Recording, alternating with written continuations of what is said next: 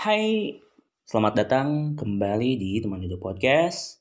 Um, ini ternyata udah malam banget di sini. Um, waktu menunjukkan pukul 23 lewat 49.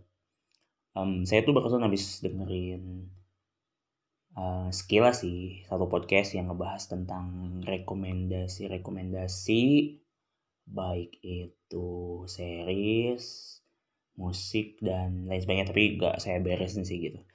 Um, daripada dengerin nyampe beres ya udah deh mendingan saya juga bikin um, episode baru di podcast saya sendiri.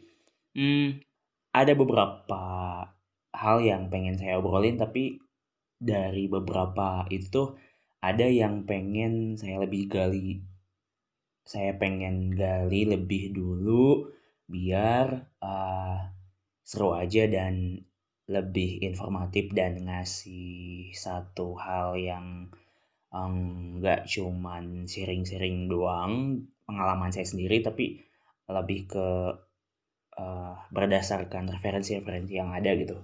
Dan saya tuh ngerasa yang saya maksud itu tuh bahannya masih dikit banget gitu. Makanya uh, untuk sekarang saya pengen sharing yang nggak usah riset dulu mendalam gitu. Tapi apa yang udah saya alami dan lakuin aja apa yang udah dapetin beberapa uh, waktu belakangan inilah. Nah yang pengen saya omongin tuh ya tentang menempuh pendidikan setinggi mungkin tapi ini dalam konteks uh, pendidikan yang formal gitu.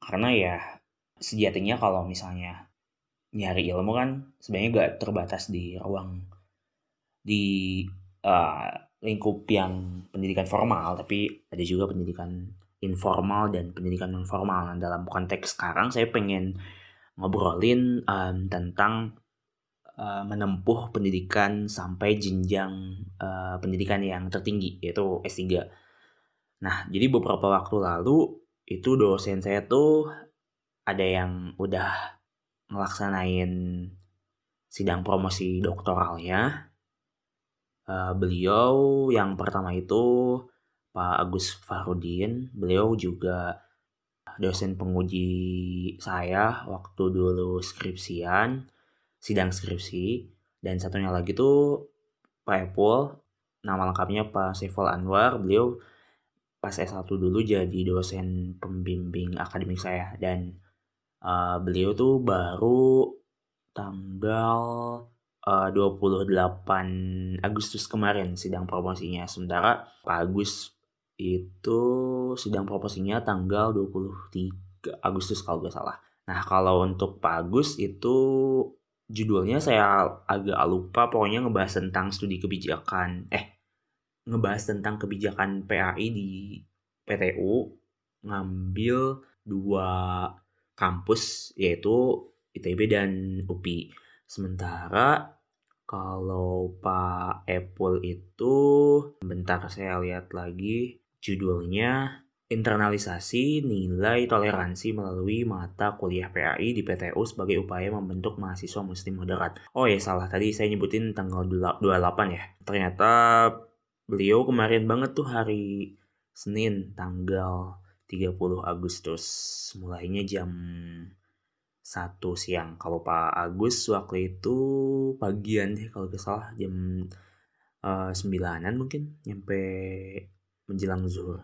Nah, saya mungkin bakal cerita aja sih gambaran dari ujian promosi dokter itu. Uh, saya ingat saya pas waktu kuliah itu saya sempat ikutan dua uh, sidang promosi dokter. Yang pertama itu dua apa tiga ya? Pak Farudin, tentang tarekat gitu kalau gak salah. Terus Pak Munawar juga tarekat juga, tarekat Syatariah. Terus Pak Udin tentang Pak Ud. Pak Udin itu sekarang jadi ketua prodi uh, prodi saya di kampus. Waktu dulu tuh kayak inget-inget lupa gitu dan agak nggak terlalu ngeh tentang alur dari sidang promosi dokter tuh kayak gimana. Tapi intinya sih sebenarnya ya kayak ujian sidang uh, skripsi pada umumnya tapi uh, karena ini yang diujikan itu disertasi tingkat kesulitannya juga ya pasti lebih tinggi dari tesis dan skripsi. Nah, yang kemarin saya ingat dari yang promosi dokternya Pak Agus dan Pak Epul itu tuh uh, emang ada dosen pengujinya, ada dokter gitu, ada dua orang masing-masing kalau nggak salah, sama dari guru besar promotor dan co-promotornya. Kalau promosi dokter sih, saya juga gak tahu ya, apakah beneran si pertanyaan-pertanyaan yang diajukan pas promosi dokter tuh beneran gak muncul pas sidang tertutupnya atau kayak gimana gitu atau kisi-kisinya sebenarnya udah ada pas sidang tertutup lalu pas promosi dokter itu hanya tambahan-tambahan aja gak tau juga sih gak kebayang gitu tapi memang saya jadi berkesimpulan bahwa kalau misalnya disertasi itu ya dari beberapa pertanyaan yang diajuin sama para penguji dan promotor itu selalu aja ada yang ditanyain tentang novelty atau kebaruan dari hasil penelitiannya gitu. Sebenarnya dari mulai skripsi juga novelty ini tuh harusnya udah ada dan udah ya itu menjadi produk dari si mahasiswa yang lagi ujian gitu. Harusnya tapi saya yang saya lihat gitu pas skripsian sih kayaknya kebaruannya tuh nggak benar-benar baru gitu hanya uh, mungkin pengembangan atau bahkan repetisi pengulangan dari yang dari penelitian-penelitian yang udah ada gitu termasuk yang saya lakuin sendiri. Pas saya baca-baca lagi skripsi ya malu juga gitu antara pengen ngebakar atau yang nggak mau lihat-lihat lagi gitu. Uh, soalnya tulisannya tuh jelek banget. Dan sekarang keulang lagi pas tesis ternyata kemampuan nulis saya dari pas dulu S1 sampai sekarang S2 kayaknya nggak ada perkembangan yang berarti banget. Ya tapi gimana lagi gitu mungkin saya usaha dan belajarnya kurang kurang serius aja mungkin ya atau gimana. Nah balik lagi ke tentang uh, sidang eh ujian promosi doktor atau sidang terbuka uh, doktor dari dua dosen saya itu ya kalau misalnya untuk tingkat S3 itu saya jadi mikir lagi kalau misalnya mau lanjut ke S3 itu ya harus beneran kayak udah matang aja gitu sama program studi yang mau diambil. Entah itu mau program studi yang linear dengan uh, S1 S2 atau bener-bener baru gitu. Karena emang uh, banyak kok yang S1-nya ngambil bidang apa terus S2-nya ngambil bidang yang lain bahkan mungkin dari misalnya dari eksak ke sosial atau eksak juga di S1 S2-nya tapi beda bidang gitu. Tapi ya mereka yang yang ngambil itu tuh bisa apa ya kayak dengan mudah menguasai bidang baru yang pas S1-nya tuh beda gitu sama yang mereka pelajarin.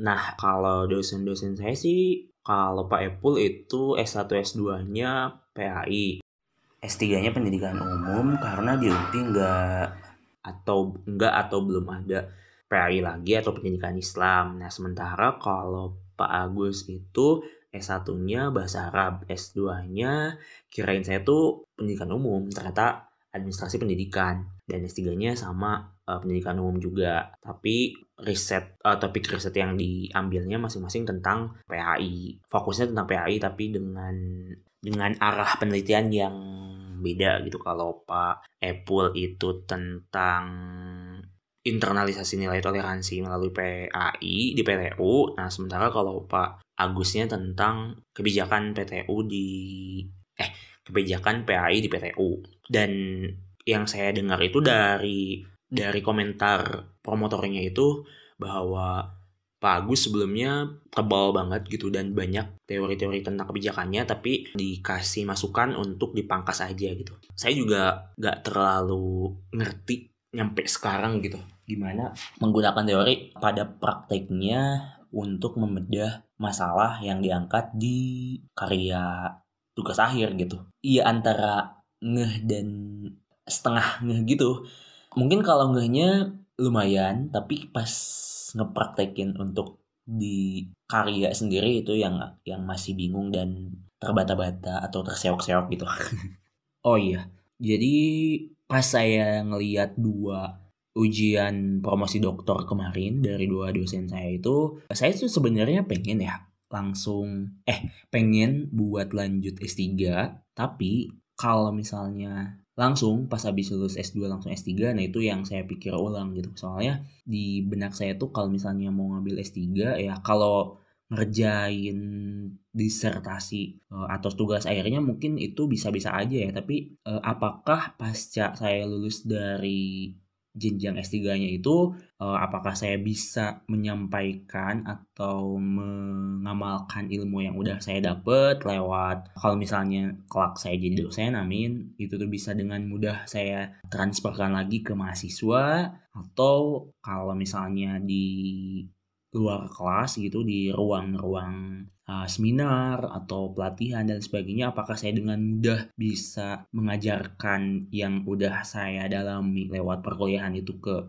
para peserta uh, seminar pelatihan dan lain-lain gitu Nah, saya tuh ngerasanya sekarang bukan siapa-siapa dan belum menjadi siapa-siapa gitu. Jadi kalau misalnya lanjut S3 langsung tuh ya apakah saya cukup bisa untuk melakukan yang tadi saya sebutin uh, dengan apa ya mengamalkan ilmu yang udah didapat gitu. Makanya pengennya sih ya kerja dulu kemudian sambil belajar latihan melatih diri untuk mendekatkan diri dengan buku, dengan artikel-artikel, dengan banyak hal yang berbau ilmiah, kemudian bisa juga aktif untuk berdiskusi itu nggak cuman pendapat yang nihil yang gak ada pijakannya uh, dari pijakannya dari teori-teori yang ada gitu. Nah, saya tuh pengennya ya ketika berargumen itu tuh mengutip berbagai macam rujukan sumber yang memang itu kredibel gitu. Itu kan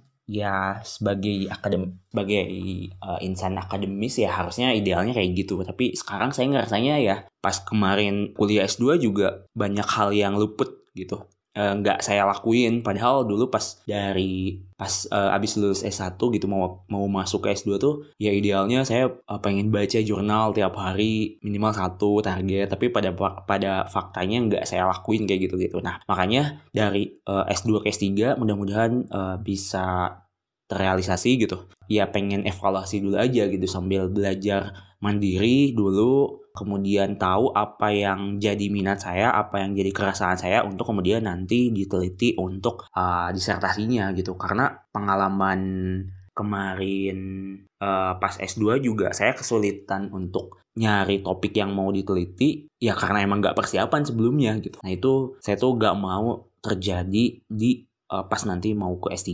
Terus Oh iya, selain tadi gam, apa ya lihai diskusi, kemudian dekat dengan buku, dengan jurnal dan lain sebagainya, saya juga pengen ya produktif untuk menghasilkan artikel-artikel dan dipublish di jurnal dulu gitu. Ya mungkin minimal kalau bisa ya dua, dua atau tiga tahun gitu uh, persiapan untuk kemudian ngambil S3 itu pun kalau misalnya ada uangnya uh, atau Bismillah gitu dapat beasiswa atau apa. Meskipun saya juga sebenarnya pengen juga ngambil sebelum ngambil S3 tuh pengennya S1 atau S2 lagi gitu. Oh, yang kepikiran sih di, di, di benak saya tuh ngambil sastra Indonesia. Tapi kayaknya kalau ngambil S2 langsung tuh banyak uh, hal yang saya lewatkan gitu. Kayaknya mendingan S1 dulu deh. Tapi saya juga gak tahu dengan kesibukan nanti kerja gitu apakah bisa sambil uh, kuliah misalnya ngambil kelas karyawan di universitas terbuka sih yang baru ke, saya kepikiran gitu.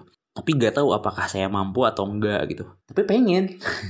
Gimana ya? Ya mudah-mudahan ada jalannya soalnya saya tuh kayak asik aja ngelihat uh, dosen sih kebanyakan gitu yang ngambil S2-nya tuh dua kali atau S1-nya tuh dua kali. Bahkan ini bukan dosen sih adalah si Mas uh, Amri. Beliau tuh salah satu doktor termuda meraih doktornya di usia 26 tahun kalau gak salah di bidang hukum. Eh hukum apa HI ya? Hukum deh kayaknya. Dan kalau gak salah tuh dapat penghargaan dari Muri sebagai dokter termuda gitu. Nah dia tuh SD SMP-nya tuh di India gitu kalau gak salah atau nyampe SMA ya di India karena bapaknya juga kerja di sana kemudian S1 di USU kemudian S2-nya itu pas saya kemarin lihat di PD Dikti mah tahun masuknya tuh sama gitu tahun 2009 Ah, uh, 2009 dan lulusnya 2011 sama 2012 kalau gak salah. Itu tuh ngambil di UI, nya tuh ilmu politik gitu. Kemudian di UGM-nya hukum dan dua-duanya lulus terus ngambil S3-nya di Wolong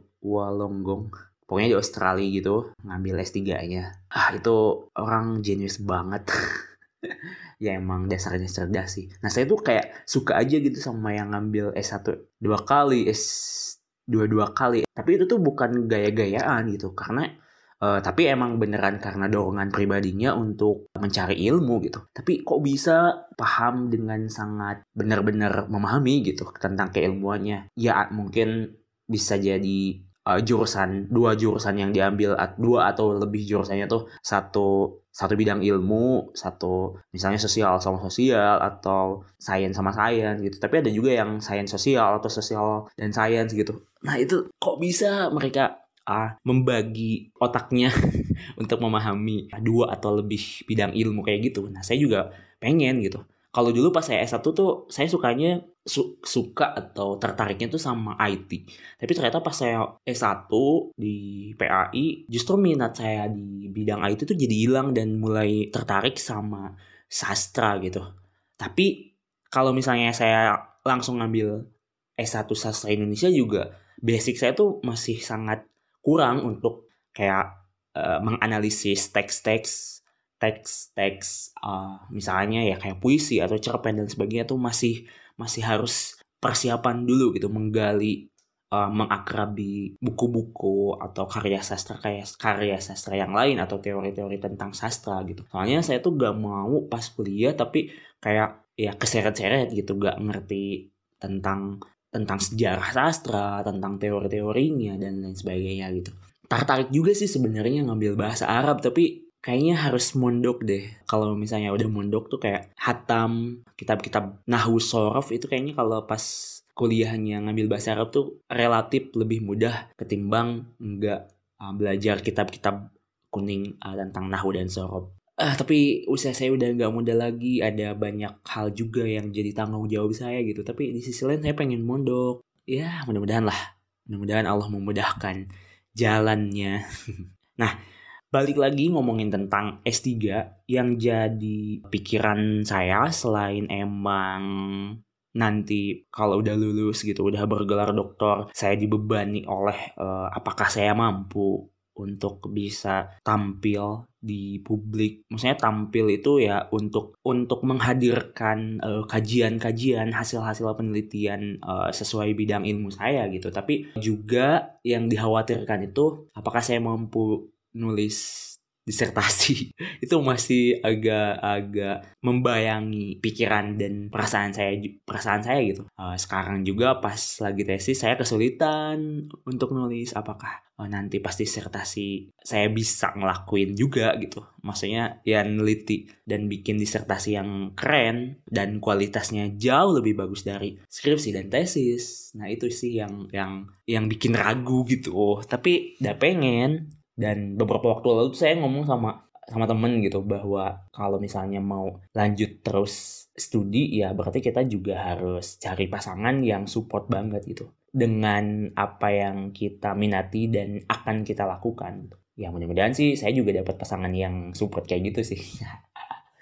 Uh, soalnya ya ini patut diperjuangkan gitu. Dan ya di bawah 30-an tahun masih kehitung muda lah. Uh, dan mudah-mudahan juga nanti lumayan panjang umur saya gitu buat S2 eh S2 ya buat lanjut studi lagi terlepas mau S1 ngambil S1 dulu lagi atau S2 lagi atau langsung ke S3 gitu. Tapi Nah, di di sisi lain juga saya sebenarnya pengen pengen coba lanjut studi di luar sih kayaknya di luar itu lebih menantang dari mulai sistem pendidikannya, kemudian culture-nya dan banyak hal yang bisa dijadikan pelajaran hidup. Nah, tapi kendalanya adalah ya bahasa Inggris saya jelek banget gitu. Atau bahkan jelek jelek juga belum gitu. Saking saya nggak jago bahasa Inggris padahal itu jadi modal banget gitu. Ya bahasa Inggris atau bahasa Arab lah. Kalau misalnya di Timur Tengah berarti bahasa Arab yang harus dikuatinnya banget. Kalau misalnya di daerah-daerah uh, non Timur Tengah ya itu berarti bahasa Inggris nah kenapa saya jadi tertarik buat ngambil uh, studi di luar? Ya itu tuh karena saya tuh kan kayak suka ngoleksiin tugas-tugas akhir gitu kan dari mulai skripsi, tesis, disertasi. Uh, kalau disertasi sih saya mulai carinya tuh kayak tokoh-tokoh yang saya temuin aja selama kuliah gitu. Baik itu dengar-dengar di kelas atau um, pas dulu kayak googling-googling aja gitu dengar dari beberapa diskusi kemudian namanya tuh sering terdengar lalu kemudian googling dan terpukau dengan rekam jejak mereka gitu kan. Misalnya Prof. Azumadi Azra kemudian Prof uh, Yudian Wahyudi Prof. Amin Abdullah dan lain sebagainya gitu. Nah saya tuh kayak nyari-nyari karya-karya tugas-tugas akhir mereka dari mulai skripsi tesis sampai disertasinya. Dan itu tuh ada yang dapat ada yang enggak juga gitu. Susah. Nah pas saya lihat uh, isinya tuh kalau untuk yang disertasi ya itu tebal-tebal banget. 300 halaman 400 halaman 600 halaman dan uh, macam-macam lah gitu tebal-tebal dan pakai bahasa Inggris. Aduh jangankan nulisnya ngebacanya pun kadang saya nggak ngerti gitu pakai aplikasi atau web buat ngetranslatein gitu untuk untuk bantu dikit-dikit memahami apa yang uh, lagi dibaca gitu. Tapi pengen aja gitu sekali seumur hidup uh, belajar di luar negeri itu kayak gimana gitu. Kayaknya bakal jadi momen yang nggak bisa dilupain gitu saking berkesannya. Kemudian untuk skripsi saya tuh uh, ngoleksi skripsi dari UIN Bandung. Sebenarnya UIN tuh digital library-nya itu tuh terbuka tapi buat civitas UIN-nya. Nah beberapa waktu lalu tuh uh, pas saya nanyain lewat tadi saya sih uh, apakah bisa daftar dari non mahasiswa UIN? Ternyata gak bisa untuk saat ini hanya untuk mahasiswa UIN doang. Tapi uh, petugasnya itu nawarin untuk memfasilitasi uh, request file gitu. Nah uh, akhirnya saya tuh eh, ngajuin beberapa judul gitu dan akhirnya dikasih full textnya sama pustakawannya. Nah itu via adik saya. Kemudian saya nyoba lagi tuh jadi dua kali minta uh, file requestannya gitu yang satu lewat tadi saya yang satu lewat saya sendiri. Kemudian uh, saya juga coba nyari temen yang anak UIN gitu dan uh, alhamdulillah dapet. Yaitu beberapa sebenarnya yang utamanya emang buat referensi tesis saya tapi sisanya sekalian saya tuh penasaran aja gitu nyari-nyari tesis yang uh, topiknya lain baik itu dari teman saya yang lanjut studi di UIN atau bahkan saya juga dapetin disertasi guru pamong saya pas dulu PPL di SMA 3 Bandung dan banyak lagi gitu. Nah selain di UIN juga saya dapat juga dari IPB tapi itu kebanyakan tentang referensi tesis saya sih meskipun ada juga yang topik-topik lain gitu. Kemudian kalau di UI uh, eh, saya tuh cuma dapat beberapa tesis disertasi sama skripsi aja yang uh, open. Kan di UI itu ada yang open ada yang membership nah kalau yang membership itu harus diakses sama mahasiswa UI-nya doang gitu. Kemudian uh, nemu juga satu disert eh satu tesis itu ngebahas tentang um, tentang nikah paksa gitu yang berhubungan dengan gender itu pas saya ikut pas saya ikutan ngaji keadilan gender Islam bareng Bunyai Nurofiah. Nah itu ada salah satu peserta yang share tesis kenalannya gitu. Nah saya tuh pengen ngoleksi juga sebenarnya beberapa tugas akhir dari UGM tapi UGM itu sistemnya harus pakai surat kayak surat permohonan gitu lah itu agak ribet gitu dan saya juga gak punya kenalan anak UGM yang dekat gitu yang op open itu sebenarnya open access tuh kayak Win Malang meskipun ada juga sih beberapa yang nggak open kemudian Win Surabaya dan mana lagi ya? Lumayan banyak sih dan kebanyakan perpustakaannya tuh yang kampus-kampus yang kayak keagamaan gitu yang umum-umum justru enggak gitu. Jarang lah. Kayak unpad unpad tuh ngebukanya nyampe bab dua gitu kalau gak salah. Bab dua bab tiga empat lima eh tiga empat nggak ngasih lampirannya ngasih Padahal itu ada beberapa uh, karya di perpustakaannya Unpad yang saya pengen koleksi juga sih, tapi ya di webnya dicantumin kalau untuk saat ini belum bisa gitu. Hanya bisa nyampe bab tertentu. Hmm, terus mana lagi ya kayak itu sih yang paling pengen saya buka tuh yang pengen banget saya akses tuh ya UGM gitu kayak misalnya skripsinya dia Anugrah, uh, Kang Eko Kurniawan, kemudian skripsinya anaknya Pak Acep, Diwan, uh, dari filsafat UGM juga. Nah itu sih kayaknya asik-asik banget. Kemudian ada juga yang neliti tentang Seal on Seven gitu. Silent Seven sama uh, beberapa lah gitu di UGM banyak uh, dan asik-asik gitu kayaknya tugas-tugas akhirnya tuh kalau di kampus saya sendiri uh, untuk semester sekarang tuh mulai pakai Revovos gitu jadi harus pakai jaringannya UPI uh, itu pakai VPN gitu kemudian eh kemudian uh, masuk pakai akun pakai NIM gitu pakai NIM kemudian ngisi prodi dan lain sebagainya baru bisa baca on screen gitu. Jadi gak bisa di save uh, PDF-nya gak bisa di download gitu. Sebenarnya bisa sih bab 2 bab 3 bab 2 bab 4 sama lampirannya tuh bisa tapi satu-satu gitu kayak di uh, P print kemudian save as PDF gitu. Nah saya diakalinya kayak gitu tapi lumayan lek-lek gitu jadi misalnya bab bab 2 ada 40 halaman ya berarti saya harus 40 kali nge-save PDF baru nanti di uh, di satuin gitu. Jadi satu file PDF tapi itu pun hasilnya nggak nggak mulus kayak PDF aslinya gitu. Tapi lumayan lah daripada enggak nah sementara di semester sebelumnya di semester ganjil itu waktu itu tuh bisa uh, ngajuin request file gitu 4 judul per bulan nah saya lumayan waktu itu manfaatin buat uh, ngajuin ngajuin beberapa judul gitu yang baik yang berkaitan temanya sama penelitian saya ataupun yang enggak gitu yang saya misalnya kayak ngajuin uh, judul penelitian dosen ataupun teman-teman saya atau kenalan-kenalan yang saya anggap keren lah gitu. Saya penasaran aja skripsi sama tesisnya kayak gimana, kayak gitu. Dan saya tuh ngomong-ngomong tentang tugas akhir dan referensi-referensi tentang tugas akhir gitu.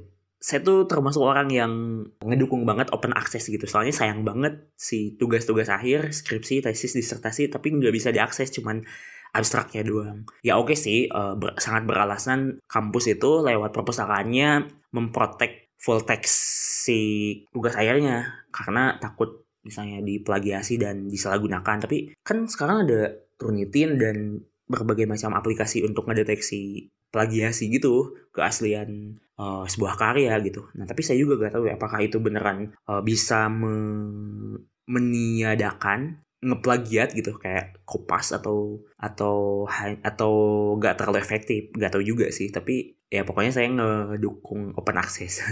Soalnya di luar negeri sih kayaknya banyak yang open access juga gitu. Oh, udah banyak banget. Dan kayak tadi misalnya kayak Win Malang Win Surabaya dan lain sebagainya itu justru ya dibuka-buka aja gitu. Kebanyakan yang open accessnya ketimbang yang gak open uh, aksesnya gitu. Ah ini jadi ke mana-mana ya. Pokoknya episode kali ini tuh berangkat dari ujian dokter dua dosen saya itu sih. Jadi jadi pengen aja. Uh, saya tuh jadi termotivasi gitu untuk juga meneladani mereka studi sampai S3 kemudian meneliti dengan sangat serius gitu kayak misalnya Pak Epul uh, kemarin itu bilang bahwa penelitiannya kan pakai mix metode uh, kualitatif sama kuantitatif itu tuh uh, yang lamanya tuh di kualitatifnya apa kuanti apa kuantitatifnya ya?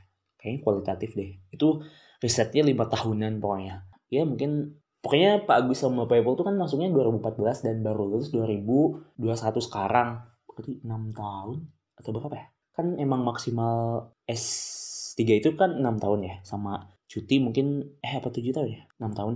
Cuti tujuh tahun. Nah kalau sekarang di UPI itu cutinya dianggap masa studi gitu. Jadi kalau misalnya ngambil cuti ya itu tetap dihitung aja gitu. Jadi jatahnya kalau untuk yang S1 jadi tujuh tahun aja eh tujuh tahun sama cuti. Kan uh, kalau kalau yang dulu-dulu tuh sama cuti jadi 8 tahun ya. 7 semester plus satu gitu. Nah kalau sekarang jadi tujuh aja gitu. Soalnya kan yang satu tahun itu atau dua kali cuti itu jadi dihitung masa studi gitu. Dan itu mulai berlaku di angkatan saya 2018 gitu. Baik yang S1 S2 sama S3 gitu. Bos tapi gitu nih di kampus-kampus lain apakah berlaku juga atau cuma di kampus saya doang? Nah jadi intinya ya ini buat khusus untuk saya sendiri gitu. Ya berarti saya harus belajar lebih ekstra dan lebih benar-benar mendekatkan diri, mengakrabkan diri dengan teori-teori, dengan buku-buku, dengan diskusi yang berkualitas, dengan teman-teman, lingkungan yang juga pengen lanjut studi nyampe S3 uh, dan sebagainya. Terlepas uh, jadi dosen atau enggak jadi dosen sih. Soalnya kalau saya sendiri uh, ada satu role model lah gitu uh, di hidup saya Jadi guru PAI saya tuh dulu di SMA 1 Tasik, beliau ibu gitu. Itu tuh ya S3